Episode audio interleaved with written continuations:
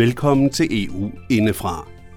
I denne uge ser vi på, hvordan EU og EU-landene er ved at få lavet en handelsaftale med Brasilien. På trods af, at landet stadig brænder regnskov af i et tempo, der ikke er set længe.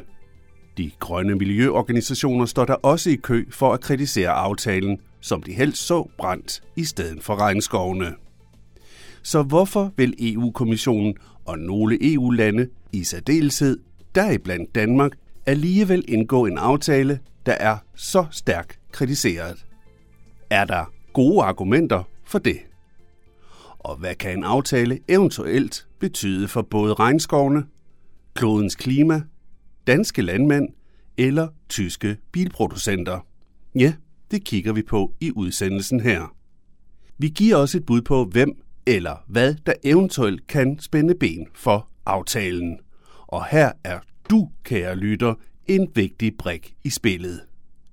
Hvordan det hænger sammen, ja, det kommer her i udsendelsen, vi har kaldt handelsaftale, en hundesnor eller en ulv i forklæder.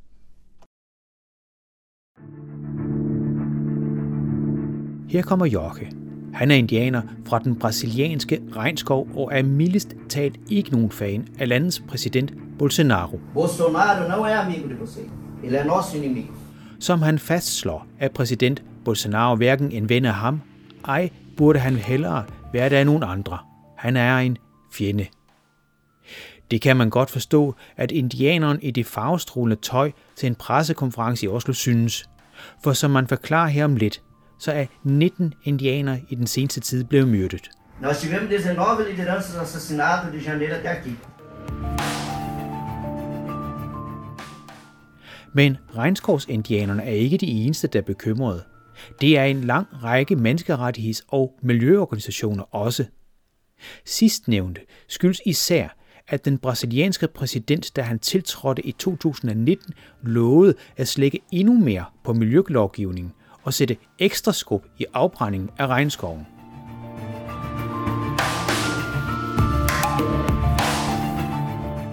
Det harmonerer meget dårligt med, hvad resten af verden mener skal til for at redde os alle sammen fra en klimakatastrofe. Alligevel har EU's udenrigsansvarlige, spanske Josef Borrell, sat skub i en proces, der kan ende med en handelsaftale med netop Brasilien. Aftalen har fået navn Mercosur-aftalen. Som du siden skal høre, så er der en del kritiske røster imod denne aftale. Både hos EU og landenes toppolitikere, EU-parlamentet, en lang række organisationer og ikke mindst hos EU's befolkning selv. Men der er også EU-parlamentsmedlemmer, der har stemt for den aftale. Det er blandt flere danske. Ikke fordi de synes, at Brasilien og dets præsident gør det specielt godt. Snarere tværtimod. Men den forklaring kommer vi til senere. Vi kan dog godt allerede nu afsløre, at der også er danske EU-politikere, der er imod aftalen.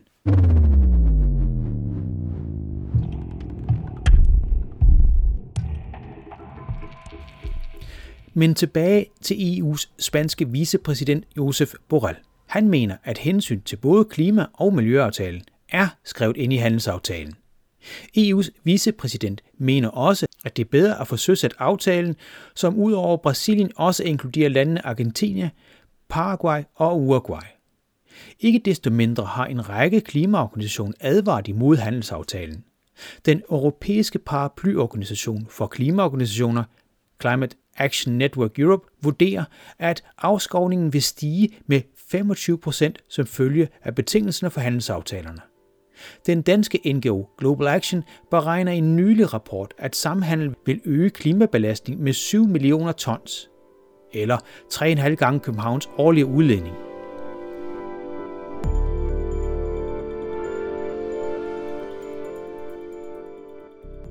Mens de danske politikere og jo et medier herhjemme har været påfaldende tavse om den kommende aftale, så ser det noget anderledes ud i Frankrig. Her har den franske præsident Emmanuel Macron fastslået, at han i hvert fald ikke vil støtte den aftale i sin nuværende form. Særligt det sidste skal man lægge mærke til. Det kan være en tilføjelse i kategorien særlig politisk sprog, som godt kan betyde, at den aftale alligevel kan blive til en realitet, hvis bare der er nogle ændringer. Hvilket og hvor mange er uvist.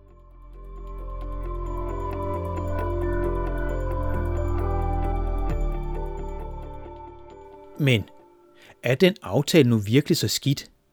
Til det siger Gry Bossen fra organisationen Verdens Skove, der har været særligt aktiv i kampen imod fældningen og afbrænding af regnskov. Det er en rigtig, rigtig dårlig aftale, der vil få store konsekvenser for regnskoven i Sydamerika, fordi det vil lægge pres på endnu mere skov og endnu mere øh, områder, fordi det vil, øh, det vil åbne op for en masse landbrugsprodukter fra Sydamerika til Europa, og det vil kræve noget plads også i regnskoven.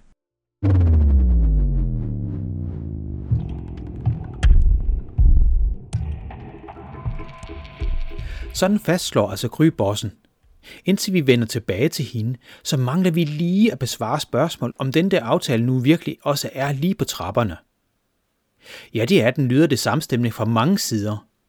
Det kan man jo også aflæse tydeligt af den politiske agenda. Det tyske formandskab har f.eks. netop inviteret til topmøde mellem ministrene fra EU og de sydamerikanske lande, der i givet fald bliver en del af Mercosur-aftalen. Den slags stort anlagte topmøder holder man ikke for sjov. Som nævnt er ikke alle enige om, at aftalen er helt skidt. For at finde ud af, hvad argumenter der måtte være for en aftale, så har jeg ringet til Nils Fuglsang, som er socialdemokratisk medlem af Europaparlamentet, for at spørge om det her. Den her frihandelsaftale, der nu er på trapperne mellem Bolsonaro, altså Brasiliens præsident, også kaldt Trump Light på den ene side, og EU på den anden. Du stemte for. Hvorfor? Jamen, jeg stemte for aftalen, øhm, og det gjorde jeg, fordi jeg synes jo, at øhm, på trods af, at Bolsonaro er virkelig ikke øh, min kop te, og jeg synes, at hans politik øh, på mange områder, og især hans politik i forhold til at fælde regnskov, øh, den er meget øh, forkastelig for at se lige ud så synes jeg stadig, det er bedre at have en aftale, øh, end ikke at have nogen aftale.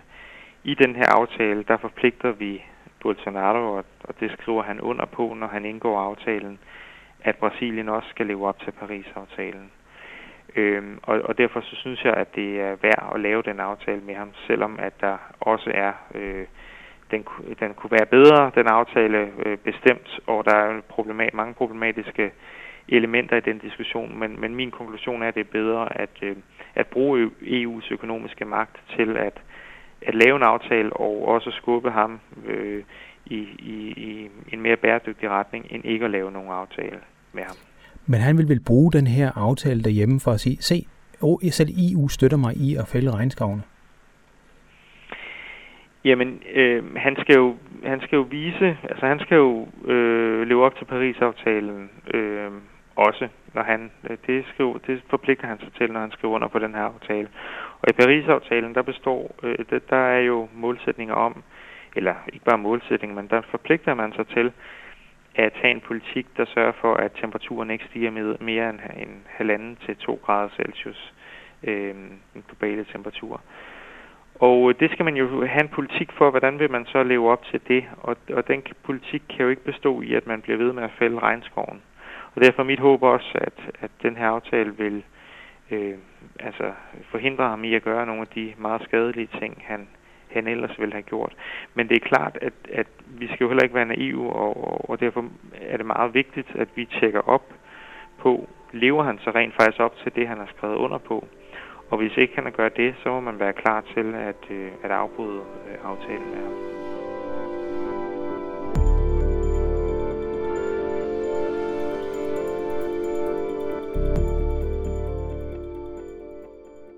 Sådan forklarer altså EU-parlamentsmedlem Nils Fuglsang om, hvorfor han og mange andre af hans kollegaer i Europaparlamentet har stemt for aftalen. Det er altså ud fra en betragtning om, at aftalen sætter en slags snor i en præsident, ingen rigtig bryder sig om.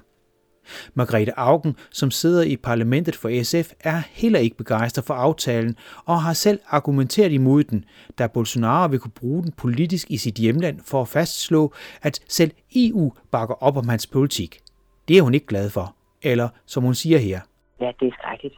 Jamen, ja, det er da skrækkeligt.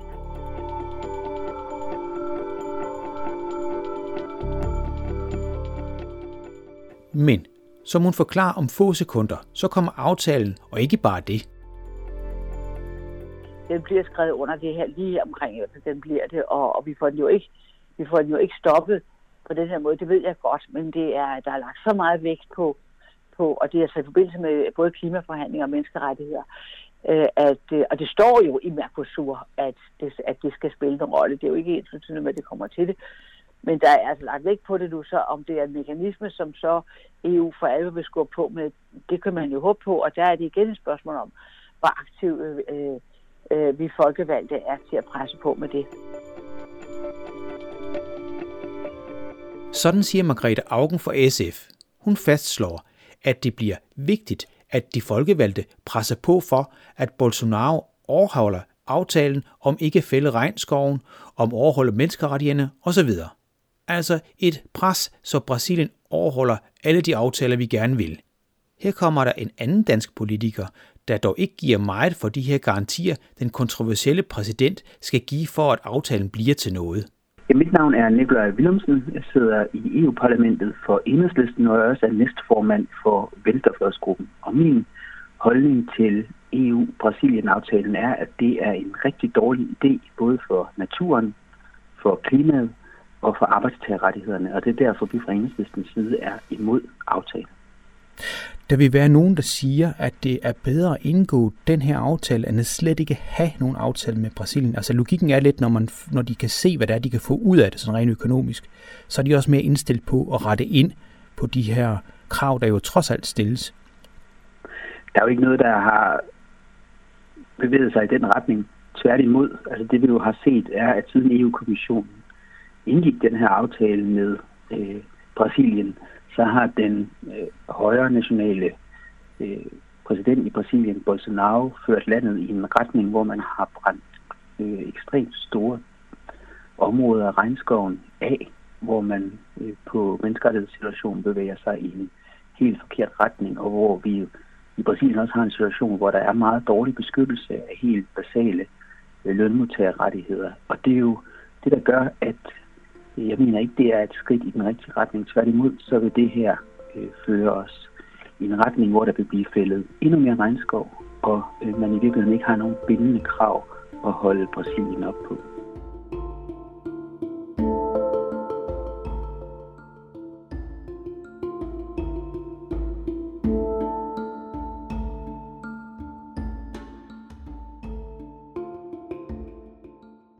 Ifølge den danske EU-politiker Nikolaj Willumsen, så mener han altså ikke, at de krav, der på nuværende tidspunkt er en del af handelsaftalen mellem EU på den ene side og især Brasilien på den anden, er særligt betryggende.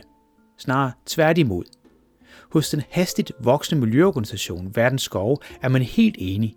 Vi giver ord tilbage til Kry Bossen, for at hun kunne forklare os, hvad problemet egentlig er. Og hun siger sådan her om aftalen det er en rigtig, rigtig dårlig aftale, der vil få store konsekvenser for regnskoven i Sydamerika, fordi det vil lægge pres på endnu mere skov og endnu mere øh, områder, fordi det vil, øh, det vil åbne op for en masse landbrugsprodukter fra Sydamerika til Europa, og det vil kræve noget plads også i regnskoven. Så landbrugsjorden vil simpelthen øh, komme fra nyfældet regnskov? Ja, noget af den vil helt sikkert. Altså det ser vi jo allerede nu, hvordan de udvider ind i regnskoven til kvægproduktion og søjeproduktion. Øh, det er derfor, de fælder og afbrænder regnskov i stor grad i dag. Altså, de sætter rekord lige nu i forhold til skovfældning. Og vi hørte rigtig meget i medierne sidste år om alle de skovbrænde, der var i blandt andet Brasilien. Og det hører vi ikke så meget om i år. Og det er på trods af, at vi lige nu har, altså er de nået op på en fældning, der er lige så høj som hele sidste år. Så der, lige nu foregår der flere skovbrænde. Lige nu her i, i oktober i 2020 har der allerede været flere skovbrænde i Sydamerika og i Brasilien, end der var hele sidste år. Og de her skovbrænde, er de, er de sådan nogle påsatte skovbrænde? Ja, skovbrænde det er faktisk et symptom på skovfældning, for det der sker, det er, at de fælder skoven, og så ligger de den til tørre. En regnskov, den går øh, meget sjældent i brand af sig selv, medmindre der er nogle ekstreme omstændigheder, men den er simpelthen så våd, at den kan ikke brænde af sig selv. Så man fælder skoven helt intentionelt, og så lægger man den til tørre, og så sætter man ild på det. Så de skovbrænde, vi ser, er også lidt en forsinkelse af fældningsretten. Altså, man kan ikke altid gå ud fra, at det er altid to uger senere, eller en måned senere, at vi så ser en brand i området, fordi det lige skal have tid til at tørre i mellemtiden. Og det, der så er nyt i år, øh, her i 2020 i forhold til sidste år, det er, at det vådområde, som Brasilien har nede øh, lidt længere sydvest på, det faktisk også står i brand og er rigtig, rigtig berørt af, af skovfældning og fældning af de her øh, økosystemer, der er dernede, og så bliver det også sat i brand. Det er også helt exceptionelt. Det ligger meget, meget højere, end hvad vi har set tidligere år. Og det kan blandt andet have noget at gøre med, at Bolsonaro han faktisk har ophævet et forbud mod at dyrke sukkerrør i området. Det gjorde han i hvert fald for cirka et halvt år siden. Og jeg skal lige indskyde, at Bolsonaro er jo landets præsident, altså Brasiliens præsident, som jo har Trump som forbillede. Præcis. Den her handelsaftale, han har fået hjem for at vende, øh, sigte lidt på den her handelsaftale, der er indgået, eller er på vej til at blive indgået mellem EU og så øh, Brasilien på den anden. Du siger, det er skidt. Men hvad er det egentlig uh, i den her handelsaftale, der er skidt? Du siger, der går varer fra den ene til den anden, uh, den ene vej og så den anden vej. Men betyder det ikke, at der er færre fattigere, og uh, i virkeligheden, at uh, landet kommer op at stå? Det er meget svært at sige, tror jeg. Det er ikke altid det, vi ser, når der kommer handelsaftaler på plads. Det kommer jo helt an på, hvor de her penge de ryger hen. Ikke? Og det er jo ikke fordi, at det ryger ind til regeringen, og så bliver spredt ud til dem, der har mest brug for det. Det ryger vel oftest til folk, som i forvejen har en del penge øh, på lommen. En ting, der er værd at indskyde om den her aftale, det er, at den faktisk har været under forhandling i 20 år. Øh, så det vil sige, at det er faktisk ikke engang Bolsonaro, der skal have æren for, at den er kommet i stand. Øh, det, er, det er sådan set noget, der har været undervejs i 20 år, og det er så lidt tilfældigt, at den lige bliver færdig nærmest samme måned, som han bliver indsat, altså tilbage, øh, jeg tror det var tilbage sidste år i januar, at den, den faktisk blev færdig, øh, aftalen, og, øh, og lander på hans bord. Så ser det ud som om, at det er ham, der har fået den på plads. Og det er jo øh, rimelig uheldigt, fordi han også er en præsident, der har den kurs, at han gerne vil fælde regnskoven. Han har simpelthen øh, altså en politik og en retorik, der hedder, at regnskoven skal væk, for at vi kan udvikle landet. Og så får han ovenikøbet den her handelsaftale på bordet, og den bliver underskrevet, den bliver vedtaget, og det kan virke lidt som en ros til Bolsonaro og til hans politik, den politik, han driver i landet, øh, blandt andet, at han fælder regnskoven. Det kan det nemlig også, fordi aftalen jo vil få endnu mere regnskovsfældning. Der er allerede en rapport, der forudsiger, at øh, fældning af regnskoven vil stige med 25 procent på grund af den her aftale her. Og det er simpelthen fordi, at vi, skal, at vi, vi vil gerne købe og aftale landbrugsprodukter her i EU, det vil sige kød og det vil sige soja. Øh, og så vil Brasilien gerne købe nogle store dyre biler, mestendels fra Tyskland af. Øhm, så det er ligesom den udveksling, vi forventer, der vil komme til at ske. Og det, at vi aftager landbrugsprodukter, betyder, at de skal indtage mere og mere jord i regnskoven blandt andet, til at dyrke de her landbrugsprodukter og producere det her kød, som vi vil aftage.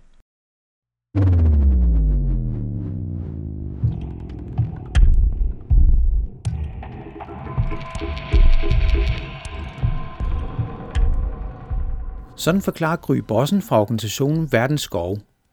Hun er, som du allerede har hørt tidligere i udsendelsen, langt fra alene med sin kritik af aftalen. Greenpeace er helt enige, bekræfter de over for os, og også at de gør alt, hvad de kan for at bekæmpe Mercosur-aftalen. De mener, at EU skal lære at tage meget mere ansvar for både miljø og klima. Netop Verdens Skov er meget aktiv med at få placeret en del af ansvaret for de afbrændte regnskov hos det danske landbrug. Det skyldes, at en stor del af regnskovene bliver fældt for at give plads til at dyrke soja, som Gry Bossen forklarer her. Jamen, soja er faktisk næsten det største problem, i hvert fald når det kommer til Danmark, fordi soja importerer vi i stor stil for at bruge det i dyrfoder til blandt andet, eller mestendels til vores egen øh, svineproduktion, men faktisk også øh, til vores køer og til vores høns blandt andet. Øhm, så, så vi importerer 1,8 millioner tons soja om året, og øh, en god del af det kommer fra Brasilien øh, og kommer blandt andet kommer noget af det fra områder, der, der tidligere har været regnskov. Så der er stor risiko for, at øh, der faktisk er en bismag af afbrændt regnskov i vores øh, bacon og hotdogs herhjemme. Og det er selvfølgelig ikke så godt, når det afbrænder regnskov. Kunne man, det der med regnskov, altså tidligere der sagde man jo, at det var verdens lunger, men, men det passer vel egentlig ikke helt. Altså der er jo ikke noget øh, oxygen, som, som stammer fra regnskoven. Den bruger det vel egentlig selv igen. Så er det egentlig noget problem i, at man fælder regnskoven? Ja, altså nu, nu har man jo så opdaget en anden værdi, hvor jeg lige vil sige, det har man sikkert vidst i lang tid, men, men regnskoven er det her kæmpe CO2-lager. Altså regnskoven optager CO2, og så bevarer den kulstoffet i sig. Altså det er jo der, hvor den så afgiver ilten, men den bevarer kulstoffen, og af den her kulstof, der bygger den jo stammer, øh, og ligger faktisk også lager en masse af det her kulstof, altså af CO2 nede i jorden under sig. Så for det første, så er regnskoven et kæmpe lager. Det vil sige, når du fælder den og brænder den af, så vil alt det CO2, den har optaget gennem tiden, det vil blive frigivet igen. Og for det andet, så er en stående levende regnskov en kontinuerlig øh, altså et, et lager, et, et optag, det kontinuerligt optager CO2. Det vil sige, at det altid står og optager mere CO2 fra atmosfæren. Og det er noget, vi pinedød har brug for lige nu i den her klimakrise, vi står i. Så det er den ene ting, som, som er katastrofalt ved, at man fælder regnskoven. Altså både, at det udleder, men også, at man mister det her fremtidige optag. Og den anden ting er faktisk også, at regnskoven er hjem for over halvdelen af, af jordens landlevende arter. De er knyttet til regnskovsområder og til floder øh, i regnskoven. Så når du fælder det her kæmpe økosystem, så udrydder du også rigtig mange dyr og arter. Altså du fjerner simpelthen deres hjem og deres livsgrundlag. Og lige nu med de her skovbrænde, så er der rigtig mange af dem, der går til i flammer. Altså det er ganske forfærdelige billeder, vi ser derovre frem lige nu. De her øh, regnskov og den her handelsaftale, som nu er mere eller mindre gået igennem, hvad, hvad kan man gøre for at stoppe den aftale? For den er jo ikke helt underskrevet endnu, den er jo ikke helt på plads endnu. Nej, det er den ikke. Det, det, det er rigtigt. Den, den er vedtaget, men så skal den derefter ratificeres, hedder det. Og det skal den både af EU, øh, kommissionen tror jeg det er, og så skal den faktisk også af de forskellige medlemslande. Sådan forlyder det i hvert fald indtil videre, men det er faktisk en lille smule ugennemsigtigt, hvad der egentlig skal ske i den her proces. Øhm, vi kunne godt tænke os, at den danske regering og andre europæiske lande faktisk sagde nej til at ville ratificere den her aftale, fordi det står så slemt til i Brasilien lige nu det kan ikke passe, at vi kan indgå en aftale med et land, der simpelthen ikke lever op til hverken Paris-aftalen, altså i forhold til, hvordan de skal lave en klimaindsats, men heller ikke altså til, til almindelig overholdelse af menneskerettigheder og bevaring af biodiversitet.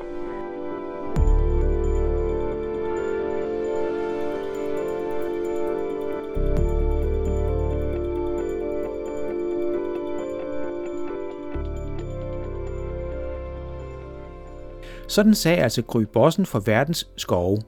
Hun er ikke den eneste, der planlægger at kæmpe imod handelsaftalen mellem EU og navnlig Brasilien i sin nuværende form. Her giver vi ord tilbage til EU-parlamentariker Nikolaj Willumsen en sidste gang, og han forklarer sådan her om forløbet hidtil, og så om mulighederne for at få stoppet eller ændret aftalen.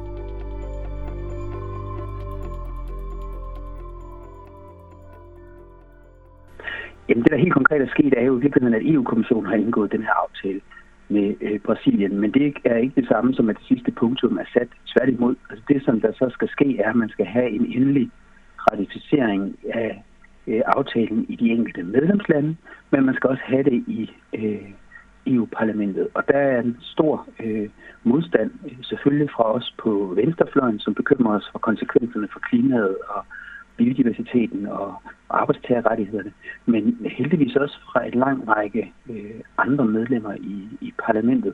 Og det gør, at jeg håber, at vi kan ende i en situation, hvor vi fra parlamentets side kan have et flertal, der sætter foden ned og siger, at vi vil ikke indgå en aftale uden at have en klokkeklar sikkerhed for, at det her kommer til at styrke beskyttelsen af vores klima, af Amazonas regnskoven og af at det bringer os i en, i en retning, hvor vi undgår, at der kommer til at være arbejdspladser, der flytter fra Europa øh, til Brasilien, ene og alene af den grund, at de har dårligere beskyttelse af lønmodtagerne øh, og faglige rettigheder der, end de har herhjemme.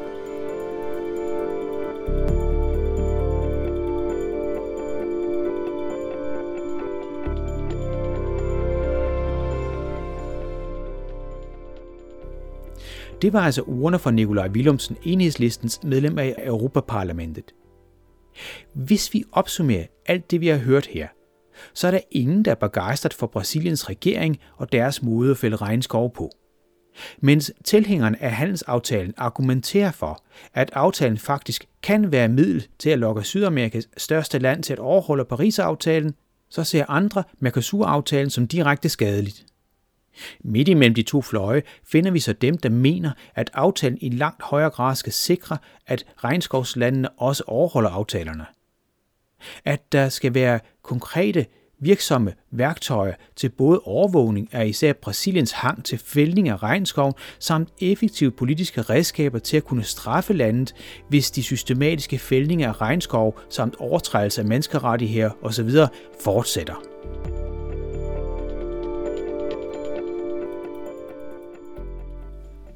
Dem, der kan sætte foden ned, har du også hørt, kære lytter, er altså de enkelte medlemslande. Også EU-parlamentet kan jo teoretisk set stoppe aftalen. Men da de respektive udvalg har anbefalet en godkendelse af aftalen, så er sandsynligheden for, at netop parlamentet imod sine egne udvalg som helhed vil afvise handelsaftalen historisk set meget lille. Ikke desto mindre vurderer flere jagttager, blandt andet på netmediet Global Nyt, at modstanden alligevel er så stor, at aftalen hænger i en, citat, tynd tråd. Apropos tynd tråd. En ting er nemlig sikkert. Brasiliens kontroversielle præsident Bolsonaro er selv i strid mod vind for tiden. Dels fordi han har håndteret coronakrisen så dårligt, og dels fordi hans politiske idol, Donald Trump, er blevet væltet. Om det så er godt nyt eller dårligt nyt for regnskoven, ja, det skal vi være usagt.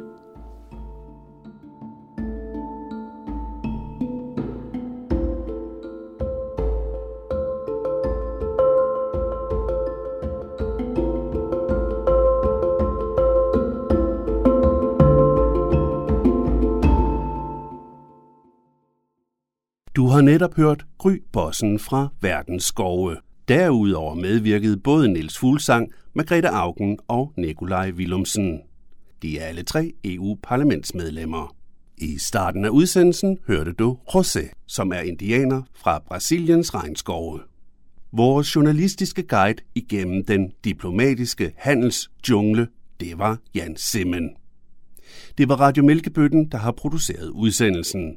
Det hele havde ikke været muligt uden velvilje af interviewpersonerne og naturligvis Europanævnet. Sidstnævnte har nemlig givet en økonomisk håndtrækning. Hvis du vil genhøre udsendelsen her som podcast, så klik ind på radiomb.dk-eu. E her kan du i øvrigt også podcaste mange andre lignende udsendelser. Det var altså radiomb.dk eu Du kan også følge os på Facebook. Der skal du søge på den elektroniske folkeoplysning. Det var alt for denne gang. Mit navn er Kim Matar Bundgaard, og jeg siger tak og på genhør næste gang.